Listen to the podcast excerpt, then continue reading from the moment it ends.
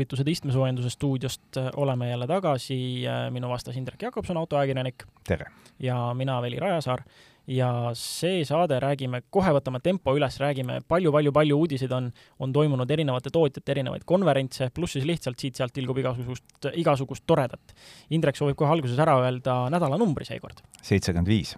aitäh, lähme edasi. see on aastaid, mitte niisama number et tegelikult on tore alustada numbriga, et üks automark sai kolmveerand sajandit vanaks. et detsembri alguses äh, tuhat üheksasada nelikümmend kuus veeresid siis tehasest välja esimesed proovipartii Moskvitšid, mudel siis nelisada.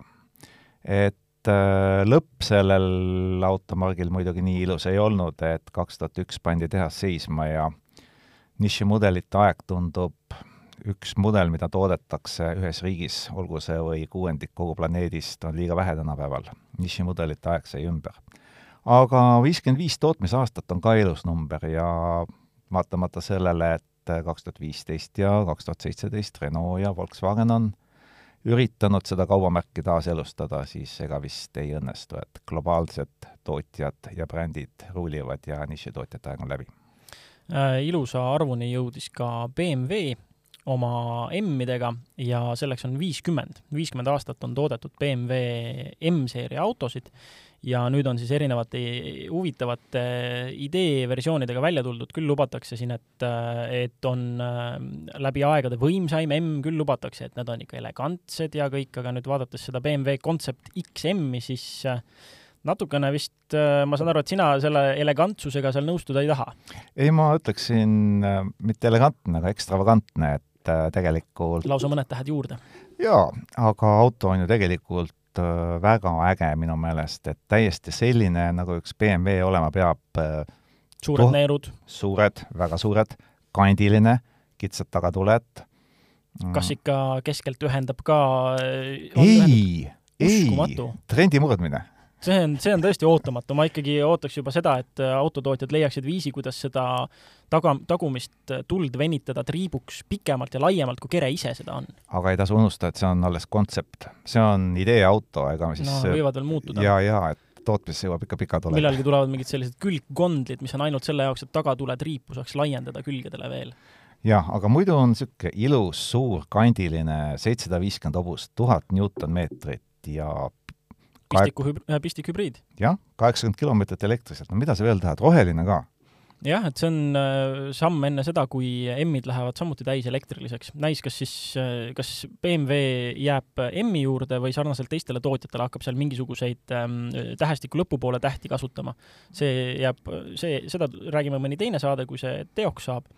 aga iseenesest ilus saavutus, viiskümmend aastat. jah, ja miks mitte selle puhul üks tõeliselt suur auto teha järgmiseks siis äh, Toyota uudiseid mitmeid. Äh, toimus Genshiki foorum, see on siis säärane koht, kus tulevikuvisiooni avatakse ja seal esitleti palju asju. minu jaoks kõige põnevam sealt on see, et palju kiidetud GR Yaris ja selle kolmesilindriline turbomootor, ühe koma kuue liitrine, paljud küll on siin naernud, et mis mikromootor ja nii edasi, aga sellega on nii tehtud, et kütusesüsteem välja vahetatud ja eksperimentaalne Gear Yaris välja lastud, mis põletab vesinikku. kasutab siis, noh, sama mootoriga sõidab äh, juba üks Corolla võidu ühes Jaapani kohalikus võidusõiduseerias ja mulle seda uudist vaadates tundub, et jällegi see on, ähm, see on, äh, ütleme, järjekordne kinnitus sellele, mida ma äh, vaikselt loodan, et vesinikku põletavad mootorid. vesinikku sisepõlet-, põlet-, sisepõlemismootorid või vesinikpõlemismootorid saavad siis entusiastiautode tulevikuks, et meil tuleb äh, elekter, meil tulevad äh, vesinikelemendiga elektriautod ja siis niisugune nišiturg kõrvale, mis ongi siis sisepõlemismootorid, mis põletavad vesinikku, mis säilitavad siis selle harjumuspärase ähm, auraalse ja tunnetusliku kogemuse, mis seondub sisepõletajatega. Eks vesinik on ju üks võimalus ainult, sest äh, Euroopa Komisjon on öelnud, et äh, rohepöörde tulemus on tehnoloogianeutraalne, kõik, mis CO2 ei emiteeri, kõik on koššer, kõik on okei okay,, vesinik sealjuures, nii et miks mitte, peaasi, kui tehnoloogia kliendile taskukohane on jah, ma olen jätkuvalt arvamusel, et, et noh, see lobitöö, mis tehti elektriautode heaks ja see, mis on seda arengut on niimoodi takka sundinud, kui nüüd seesama lobitöö oleks tehtud hoopis vesinikule ja kõik need arendussummad lükatud ka vesinikku, siis oleks me tõenäoliselt palju lähemal sellele, et vesiniku tootmine ei oleks enam nii keskkonnavaenulik, kui ta hetkel seda on, ja nii kallis, kui ta hetkel seda on. no vesiniku tootmine on veel selle juures kõige väiksem probleem, aga autod ise on kallid ja vesiniku ladustamine on kallis, nii et need on suuremad asjad, mis vajavad lihtsalt tehnoloogilist läbimurret. aga nüüd võtame selle eksperimentaalse GR Yarise, eemaldame sõna eksperimentaalne ja keerame GR ja Yarise ümber ja saame Yaris GR Spordi. kas sporti oli veel vähe? Äh, tundub, et oli, aga Yaris GR Sport on nüüd äh, ka mudelina olemas, aga see siis põhimõtteliselt et äh, on noh, midagi sellist nagu on M-lainid, AMG lainid, äh, Hyundai N-lainid ja kõik need masinad, et ta on tegelikult ikkagi siis üle käidud veermikuga, natuke jäigemaks tehtud, natuke sportlikumaks välimuselt tehtud, noh, ta on peamiselt ikkagi niisugune, ütleme, välimuspakett ja niisugune mm, juurde siis natukene sooritusvõimet, aga ta ei ole siis nagu täissport, nagu GR Yaris seda on. aga ikka ei ole nüüd lisatud, et kaks uut värvi ja kolm uut äh, velge ja siis ongi kõik. No natuke rohkem kui see õnneks jah. Äh, siis äh, järgmiseks. Äh, Euroopa esmaesitlusele tuli ka BZ4X, näed jälle need tähestiku lõputähed järjest laotud, väga nagu hääldamatuks lähevad need nimed juba, aga BZ4X täiselektriline linnamaastur, mis on siis Subaruga koostöös arendatud. Ja see ongi siis nelikveoline siin mitme ajamiga eri telgedel, sada viiskümmend kilovatti elektriajam on siis nelikveolisel ja kakssada kuuskümmend viis Newtonmeetrit pöördemomenti, Subaruga koostöös arendatud nelikvedu, no kõik niisugused toredad asjad.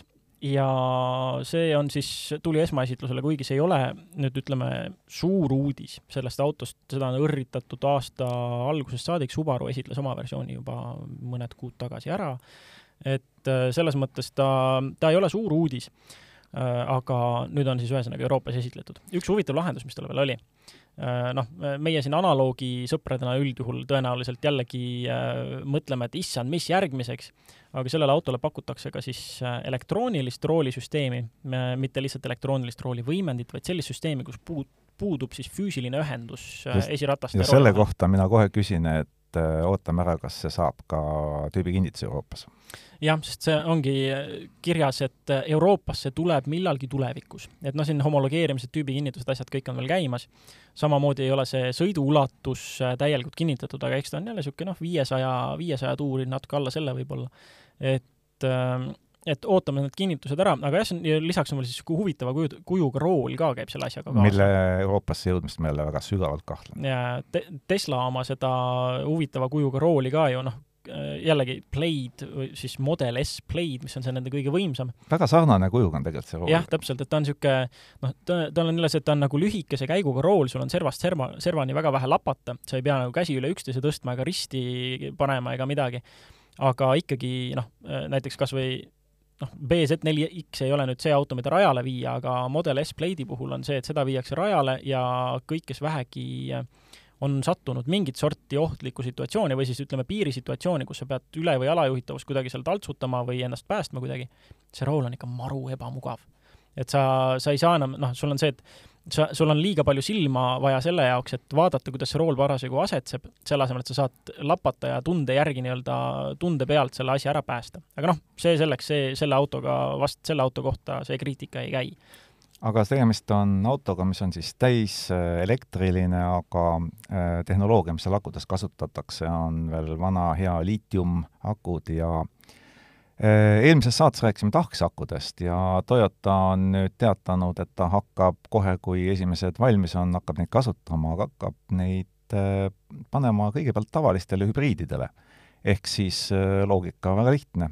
hübriid on see koht, kus neid on kõige parem testida kui läheb pisut nihu, sõidab bensiinitoel edasi, kui tahkesakuga peaks minema kehvasti täiselektril, siis ei ole asi nii enam hea. Et hübriidil pole ju aku elu ja surma küsimust, töötab natuke kehvemini või paremini mm, -hmm. suhteliselt ei muutu. Äh, siis veel sealt Genshiki foorumilt äh, kähku Corolla Cross, äh, uus väike linnamaastur, mis positsioneerub siis CHR-i ja RAV4 vahele selle peal pikemalt ei peatu, seda cross-indust nad teevad erimudelitega juba, noh, Yaris Cross on olemas, on ju, selle loodetavasti võtame lähiajal ka proovisõitu ja arutame ka saates. no ootame ära, tähendab Yaris Crossi küll, aga Corolla Crossi peame Euroopasse kahjuks veel aasta aega ootama, et USA-s on küll juba müügis, aga sellega läheb aega, jah. Äh, siis veel GR-i täheühendist, ähm, GR kaheksakümmend kuus tuleb Euroopasse. Äh, mina sain info, et noh, see on siis GT kaheksakümne kuue järeltulija, mis omakorda on siis kuulsa Corolla AE kaheksakümne kuue äh, vaimne hingeline järeltulija.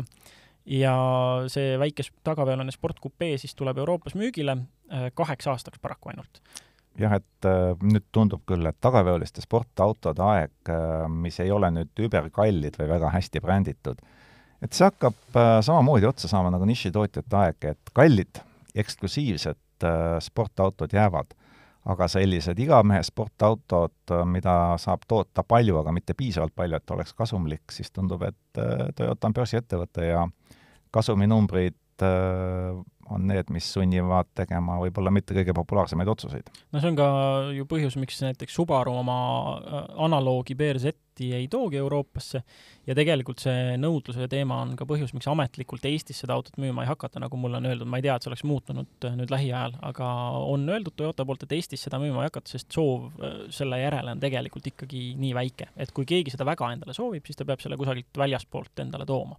Ja viimane Toyota uudis on siis Ameerikast veel kord, et äh, elektrifitseerimine Toyota läheb teega käima ja äh, Toyota nüüd avalikustas, kuhu saab olema tema uus suur akutehas ja see saab olema siis North Carolina osariigis Liberty väikelinnas ja maksma läheb see üks koma kolm miljardit dollarit ja hakkab tootma siis tulevikus üks koma kaks ehk siis üks miljon ja kakssada tuhat akut aastas. Läheme edasi paari mudelisurma juurde kuigi seda oli varem juba teada, siis Kiia Stinger, mis on nüüd saanud siis äh, näokergituse, näovärskenduse, temale enam äh, järeltulijat äh, järgmise põlvkonna näol ei tule paraku. aga tegemist on minu meelest autoga, mis on sedavõrd ikooniline, et tsiteerides klassikuid äh,, ausamba püstitas ta endale eluaegu. et Veli, sa oled sellega sõitnud vist nii näovärskenduse eelse kui järgse mudeliga ja, ja see on see auto, mille kohta kriitikud ütlesid, et no on ka, et võib-olla ma ostaksin omale pruugitud Nobelmargi, aga võib-olla mitte, aga iseenesest äh, see on auto, mis omab palju suuremat tähendust kui lihtsalt üks äh, tagaveoline sõiduk, sest see on selle autoklass, mis hakkab äh, välja surema selliste kaheukseliste sportautode järel. võimas, piisavalt suur aga see võimsus tähendab ka heitmenormidega konflikti minekut, aga eh, kui sa võtad emotsionaalselt, Veli, siis ütle mm., mis, mis oli see, miks äh,, miks sina sellele ausamba püstitaksid? ikkagi emotsioon. sellepärast, et kui ma sõitsin Baieri konkurentidega Stingerile siin mõned aastad tagasi, kui esimene Stinger tuli, siis neil jäi emotsiooni puudu, nad olid kliinilisemad. Stingeris on see, et, et et äh, ta on, noh, ta pakkus lisaks kõigele sellele, mida baierlased, võib-olla ta ei olnud nagu nii täiesti nuti-pluti, et noh, kui sa baierlasele said mingeid ekraane ja asju rohkem laduda ja võib-olla mingisugust kas ta on vahetum? seda kindlasti. kas ta võimaldab sul kiiremini sõita?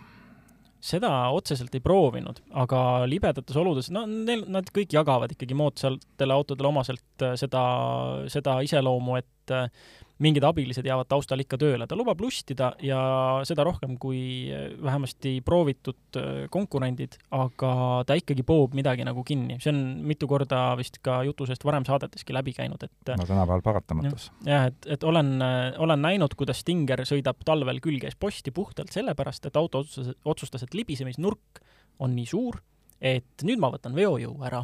Just siis keset kurvi, kui sul on vaja peal hoida, et sõidujoonel püsida aga tema võttis ära. muidugi meie kuulajatele hoiatuseks, et äh, seda armastavad teha vist kõik nelikveolised autod, millele on veojõukontroll niimoodi häälestatud, et olge ettevaatlikud. jah, isegi kui sa vaatad seal ilusasti tabloo peal, et veojõukontroll ja stabiilsuskontroll on välja lülitatud, siis üldiselt midagi ikka taustal töötab ja just paistab olevat kas G-jõud või libisemisnurk üks nendest kahest peamisest faktorist, mille põhjal siis auto lõpuks otsustab ikkagi, et nüüd on piir ületatud. et noh, konkurentidest rääkides, mul on lihtsalt äh, hästi meeles, kuidas äh, issand, see oli pika ja lohiseva nimega üks BMW GT-dest, kas ähm, kuuenda seeria Grand Turismo nelikveoline. ja sellega oli ka see, et talvisel ajal proovisõit ja ka kui libisemisnurga suureks lasid, kusjuures esiteks ta võttis nagu jõu ära ja teiseks tal oli panoraamkatus ja kuna mul oli see kate lahti sõit-, lahti tehtud, siis äh, lasin siis selle nurga suureks ja siis auto tõmbab sind äh, turvavööga kõvemini istmesse ja see panoraamkatus hakkab stoilise rahuga kinni sõitma, vaikselt sõidab, sul on ammu piruetid ja asjad tehtud, sa juba seisad, aga see katus ikka et see nagu niisugune ju siis turvalahendus, et noh, et klaasikillud kohe lendavad sisse või midagi, kõik läheb väga hapuks, et noh, natuke, natukene hiljaks jäi ta oma selle stoilise rahuga kinnisõitmisega. et kõigil neil on mingid sellised oma nagu kiiksud, aga ütleme, Stinger sõiduelamuse mõttes tõesti ta on vahetum. et äh, ta nagu lubab rohkem mängida, ta, ta üleüldse oma sõidukogemuselt on niisugune kuidagi veidi emotsionaalsem ikkagi. aga see tähendab seda, et ostke veel kuni võimalik, sest varsti enam ei saa. jaa, no täpselt, hinna, hinnaeelis on tal alati olnud äh, baierlaste ees. et ja õnneks on ka see, et kui Stinger tuli ja ma tast esimest korda kirjutasin, ma, ma juba teadsin ette, et äh, tuleb äh, undamine, et mis Kiia ei ole mingi automark, on ju, see, mis mõttes BMW tuleb osta ikka et äh, õnneks vist see mentaliteet on nüüd nagu päris, äh, päris palju muutunud ja see on suuresti juhtunudki just Stingeri süül. et äh, ta tuli ja tegi jälle seda asja, noh, kui sarnaselt natukene nagu Lexus oma LS-iga versus siis Mercedes S-klass, et kui kaheksakümne üheksandal aastal see LS nelisada tuli, et siis kõik ütlesid, et S-klassi tegi ta paremini kui S-klass ise, siis Stingeriga on ka nagu see, et tundub, et ta tuli ja teeb väiksema hinna eest sama head sakslast kui sakslased ise. ja mida siis veel vaja on aga nutulaulu lõpetame itaallasega, et äh, Maserati äh, väike sedaan, väike on muidugi suhteline mõiste, aga Maserati mudelivaliku väiksem sedaan, Ghibli tootmine lõpeb. et äh, sedaane lihtsalt tänapäeval toota ja müüa on triki ja, ja eriti väiksemaid, et samas kaheksa aastat tootmist on kõva sõna, et ta on kolmeteistkümnendast aastast vooluliinil olnud ja no see, et tema asemel tuleb mis asi, no ei ole ikka, ikka, ikka linnamaastur jälle. absoluutselt õige, et äh, väike crossover tuleb ja suurem linnamaastur ja suurem sedaan ehk siis Levante ja Quattroporte jäid praegu alles ja ootame siis, äh, kui kaua see viimane veel tootmises jõuab püsida. Nüüd äh, läheme natukene tagasi Indreku Dacia Springi sõiduloo juurde mingis mõttes. Äh,, tuletame meelde, mis Indrek ütles et noh, me, mis kõik äh, sobib äh, enamjaolt ikkagi linnainimesele ja noh, muidu on nagu väike ja nii, aga tundub, et inimestele ikkagi läheb see väga peale. ta on oma, ta on oma inimesed leidnud, kes teda ostavad, et viisteist tuhat autot on juba kodudes kohal Euroopas ja nelikümmend tuhat on tellitud.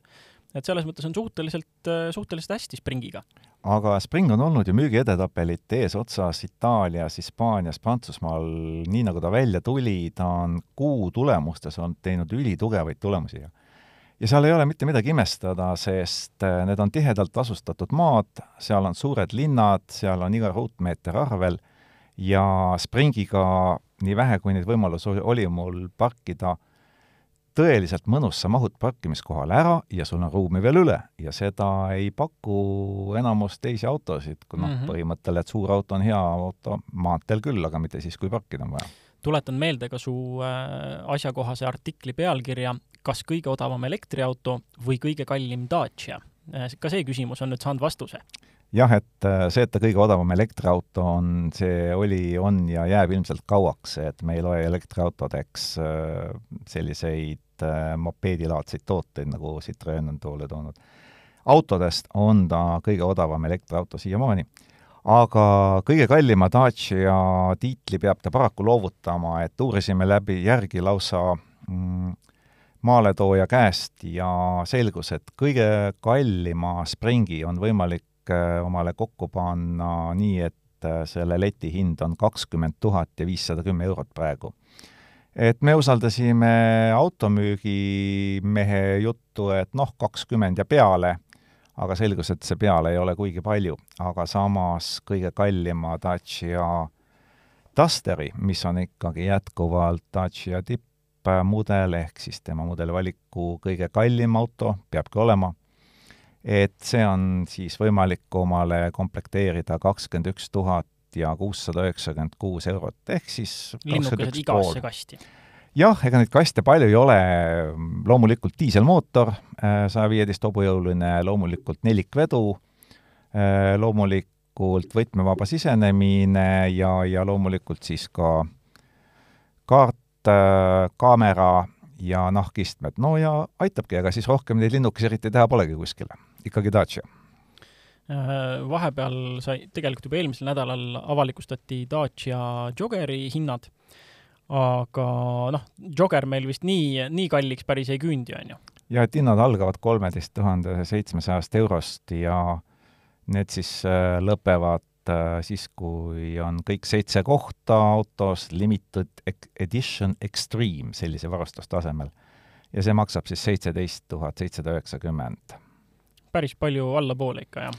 jaa, aga see on täiesti teadlik protsess, sellepärast et äh, Jogger ei saa diiselmootorit, äh, Jogger ei saa nelikvedu, sest äh, noh, nii või naa, aga Dusteril tuleb hoida seda positsiooni, mis tal on, et Jogger ei hakkaks nagu lihtsalt tema turuosa sööma aga see viib meid osalt ka tagasi mudelisurmade juurde, et Dacia on öelnud, et kolm mudelit äh, tapab Jogger põhimõtteliselt ära, kaks tundmata mudelit ja siis Logan MCV. Et äh, Ghibli surmaga see, selles saates asi meil veel ei lõppenudki. jaa, ja teisest äh, poolest, äh, kuna Jogger esialgu vähemalt äh, Venemaa turule ei jõua, siis Lada Largus, mis ei ole mitte midagi muud kui samamoodi ümber nimetatud äh, Logani versioon, jääb ka alles veel pikka aega. Indrek, aga meie saates on äh, praeguseni olnud üks karjuv puudujääk me ei ole Rivianist rääkinud. räägi palun Rivianist et äh, Rivian tegeleb nüüd oma Euroopa tehasele koha valimisega. ja nagu ikka, on laua peal kolm pretendenti, üks on siis Ühendkuningriik, teine on Serbia ja kolmas äh, ük-, veel üks Euroopa riik.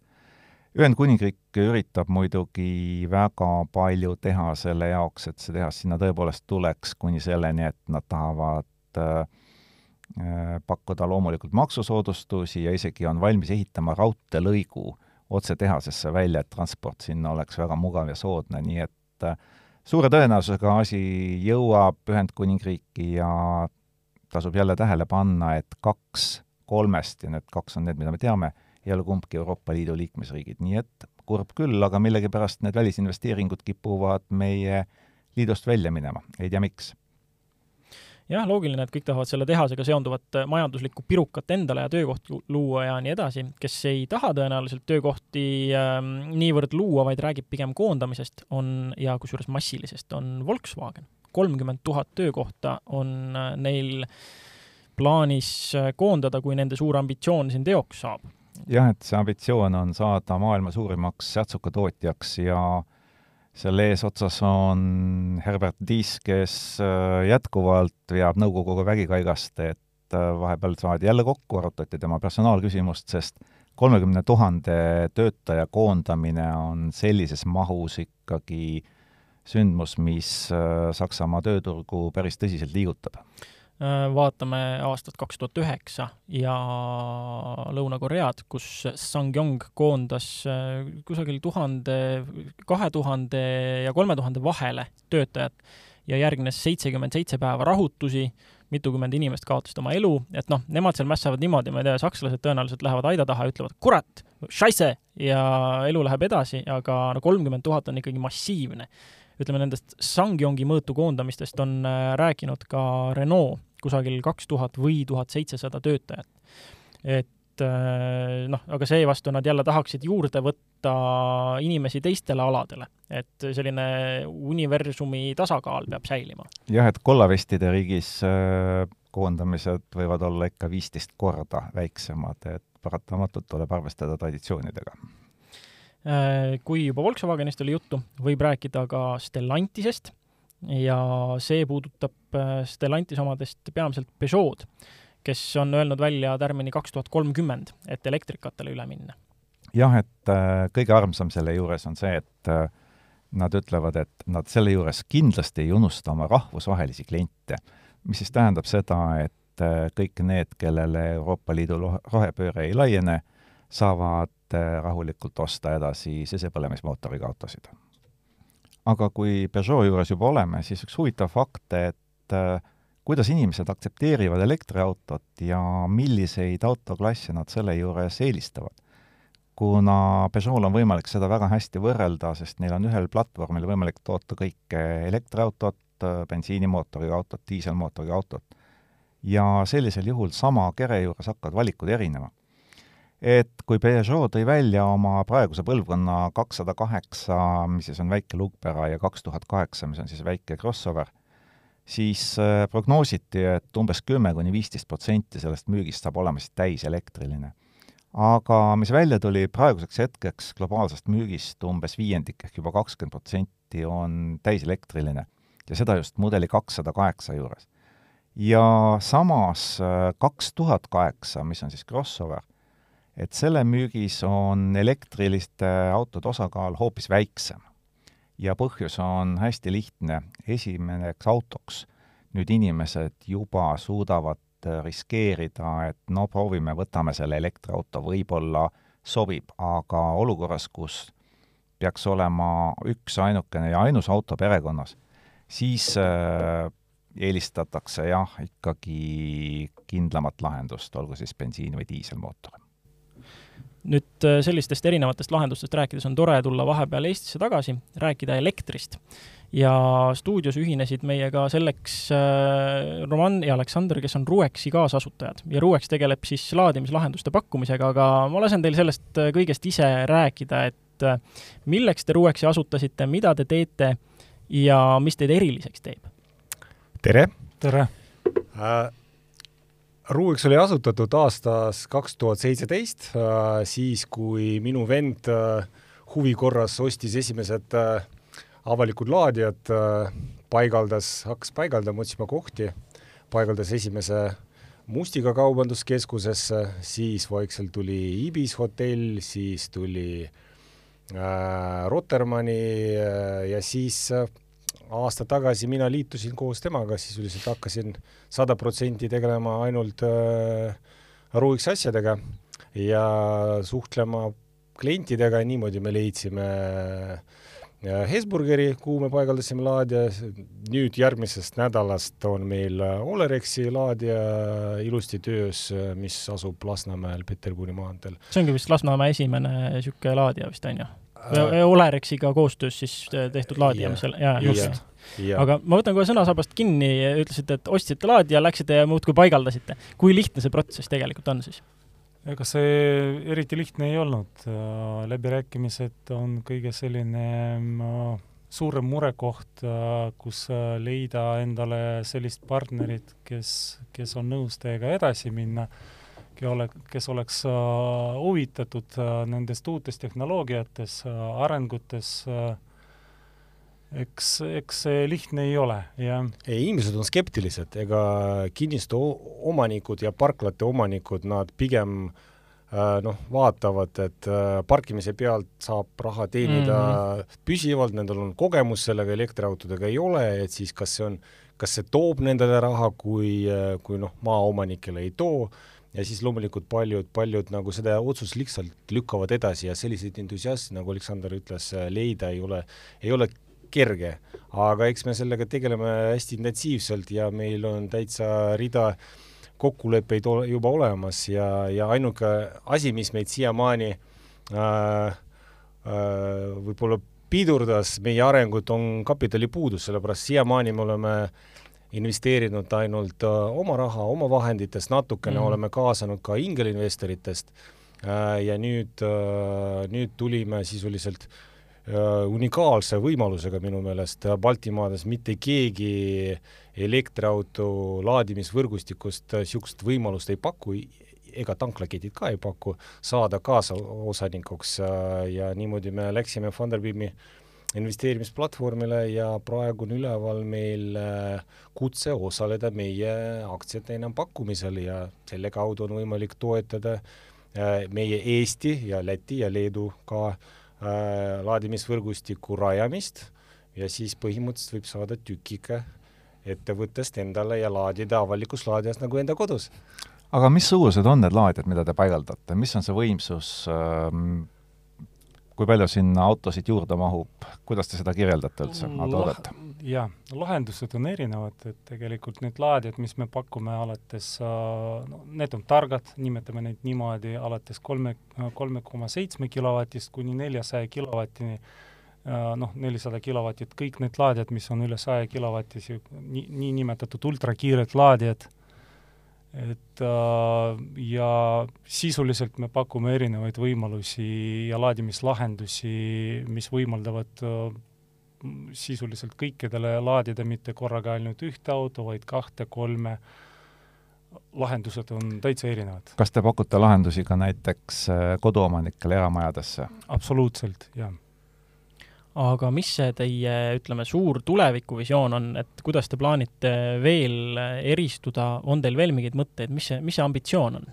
ja ambitsioon on olla üks suuremaid ettevõtteid Baltimaades äh, selles valdkonnas äh, ja, ja selleks on kõik eeldused olemas. Äh, me tunneme väga hästi, mis on kõige paremad kohad, kuhu on vaja laadijad mm -hmm. paigaldada, loomulikult mõnes kohtades on, on olemas.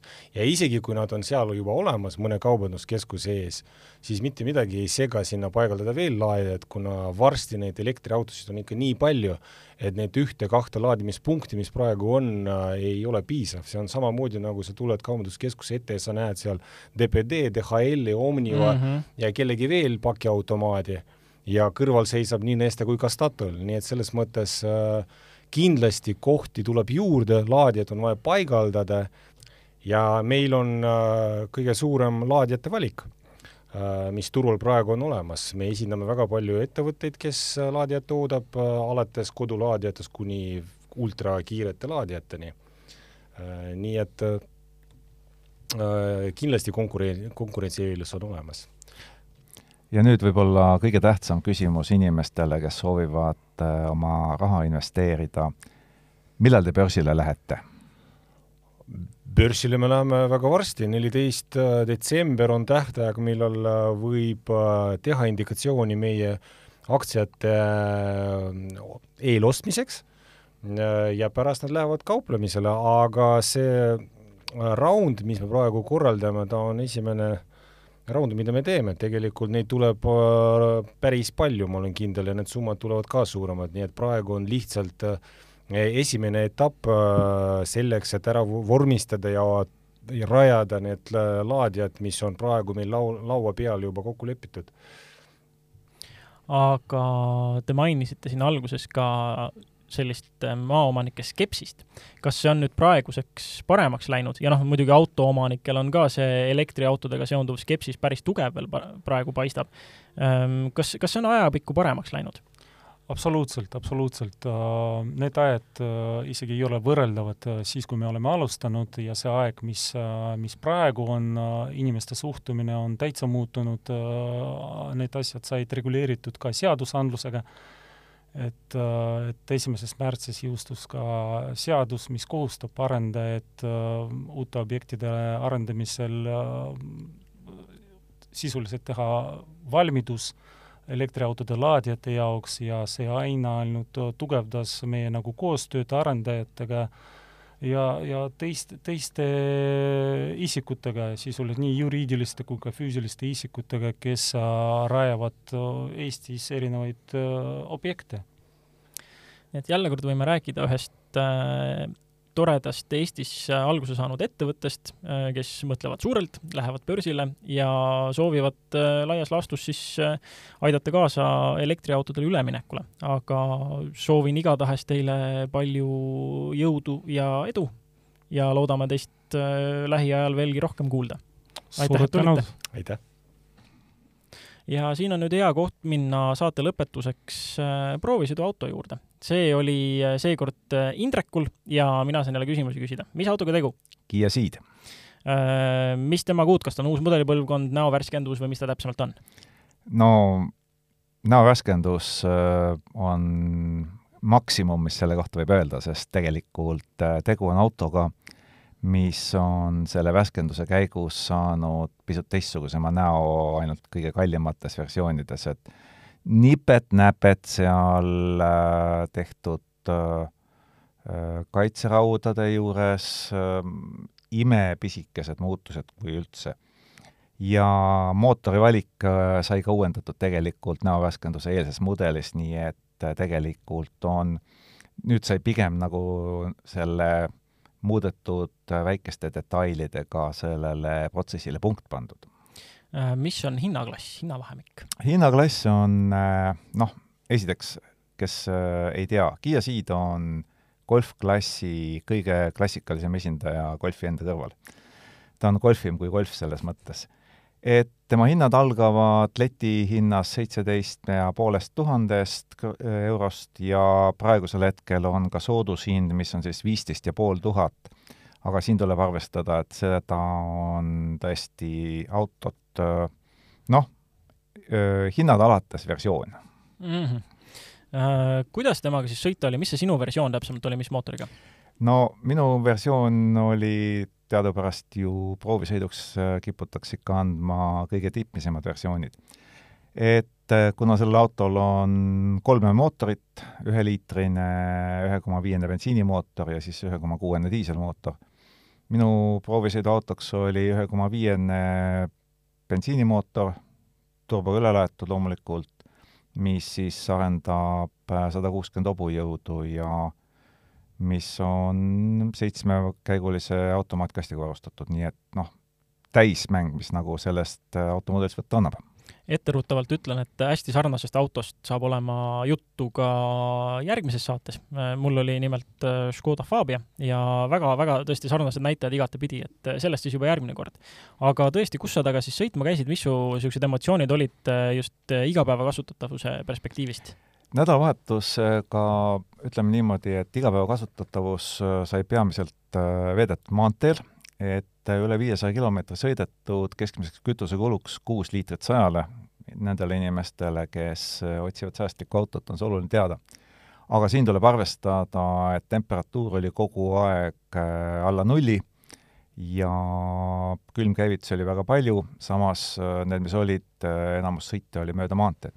nii et tõenäoliselt sinna kanti võib see ekspluatatsiooni kulu ka keskmisena jääda ja VLTP järgi see number ka sinna on viis koma üheksa. aga mis on selle auto juures nagu paar detaili, mis tahaks nagu väga välja tuua, on see, et esiteks see on väga korralikult kokku pandud et see aeg, kui Kiia tähendas ka kehva kvaliteediga plastmassist sisemust, et see aeg on no, möödas. Kiia, kehv inseneri ja mis iganes. jaa, kehv, kehva inseneri auto, eks ole, see on ajalugu. et äh, see auto on väga hästi kokku pandud Munakivi testis viis pisikese-pisikese miinusega. no jah, tipp, päris tipuni on küüni, aga väga lähedal, et kõik materjalid, mis seal äh, juhi käeulatuses on, on väga mõnusad, pehmed, äh, seal ei ole selliseid häirivaid klobinaid, see ei löö ennast kuskile vastu ära, et midagi ei häiri. ehk et see on tehtud auto, milles on väga mugav kulgeda. ja kohe etteruttavalt, äh, mis mind üllatas selle auto juures, on see, et tal on väga hea sõidutunnetus just sellisele tavakasutuses olevale autole ehk et sa sõidad, sul on talv, no temperatuur on just läinud alla nulli. Ja sa tajud ära, et ahaa, rool läks natukene kergeks. Ja võta kiirus alla. ehk see auto hoiatab ise sind niivõrd hästi oma juhitavusega, et see on täiesti üllatav ja seda olukorras, kus kõik juhiabid on sisse lülitatud ühesõnaga siis, äh, et tagasiside kui selline juhile säilib ikkagi väga hea, kui on nende ragistavate toimetavate abiliste keskel? jah, see oli selle auto täielik üllatus, et noh, talvetesti nii põhjalikku õnnestub harva teha.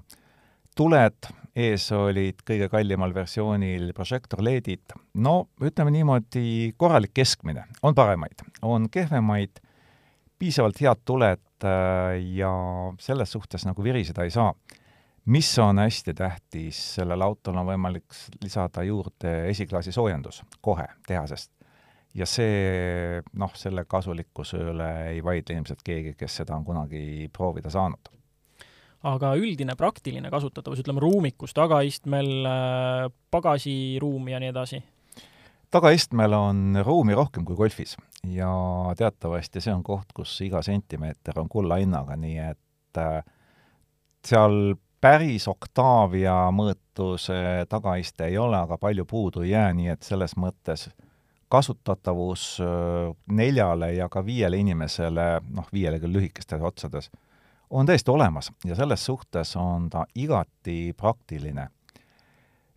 Proovisõiduautoks oli SV ehk siis universaalkergemasin ja seal on küll, tuleb arvestada sellega, et poolhübriidversioon, mis on diiselmootoritel, sööb pakiruumist üle saja liitri ära aga ikkagi selle mahuks oli üle kuuesaja liitri, nii et eh, ruumi on selles autos igati piisavalt äh, nii palju, kui ühest äh, C-segmendi lukkpärast oodata võib. kas midagi jäi häirima ka? Kõik head ja halvad omadused tulevad praegusest proovisõidust, talvesõidust ja kaks detaili, mis noh, absoluutsest ideaalist jäid puudu, on see, et esi meeste tulede pesur puudub ja see on tegelikult, äh, kui maanteed sõita, annab see väga tunda, kui esilaternad määrduvad, siis nähtavus mm. halveneb väga kiiresti. ja tagurduskaamera, mis näitab muidu väga head pilti, aga mis ei lähe peitu ja millel ei ole pesu, enamus ajast osutus samuti täiesti kasutuks. jälle tuleb käia märja pöidlaga nühkimas ja?? jah, ja aga need on ka põhimõtteliselt kõik puudused, mida üldse oskas välja tuua hind on mõistlik, äh, sõidab hästi. Äh, mida on välisajakirjanduses kritiseeritud, on müratase. no ei saaks öelda, et see oleks midagi üle keskmise, et pigem alla keskmise, täiesti alla saadud on juba müra ja samamoodi on kritiseeritud käigukasti toimimist, üks paremaid käigukaste, mis ma üldse olen nagu õnnestunud proovida huvitav jah, näed siis. Äh, üks asi, mis veel tahtsin küsida, tundub, et minu viimane küsimus siis on, äh, puudutab turvalisust ja seda abide asja just nüüd talvel, et kuidas need abid siis sekkuvad, kui palju nad sind hoiavad, palju nad nagu sinu eest sõidavad? abid sekkuvad väga kavalalt. teatavasti, kui nad sekkuvad, siis tuleb kollane märk spidomeetri peale, aga tegelikult nad vaikselt toimetavad enne, kui see tuluke sul põlema läheb nii et kui sa lähed, hakkad natuke lustima, ta tuleb ettevaatlikult juurde, tõmbab pisut maha ja kui sa siis äh, aru ei saa, siis läheb juba kollane laping põlema, nii et nad nagu hästi ettevaatlikult tulevad ligi, et äh, ta ei ole nii, et raks ja auto on üheksakümmend kraadi ära pööratud. ei, nad sekkuvad vaikselt, ettevaatlikult, tasakesi, täpselt nii, nagu vaja, et nad ei häiri sind ja see on võib-olla hästi tähtis ühesõnaga tundub üldiselt, et väga mõistlik auto ja ma arvan, et sellise mõistliku autoga võibki tänase natuke pikaks veninud saatega lõpetada. aitäh kuulajatele! Kuulmiseni!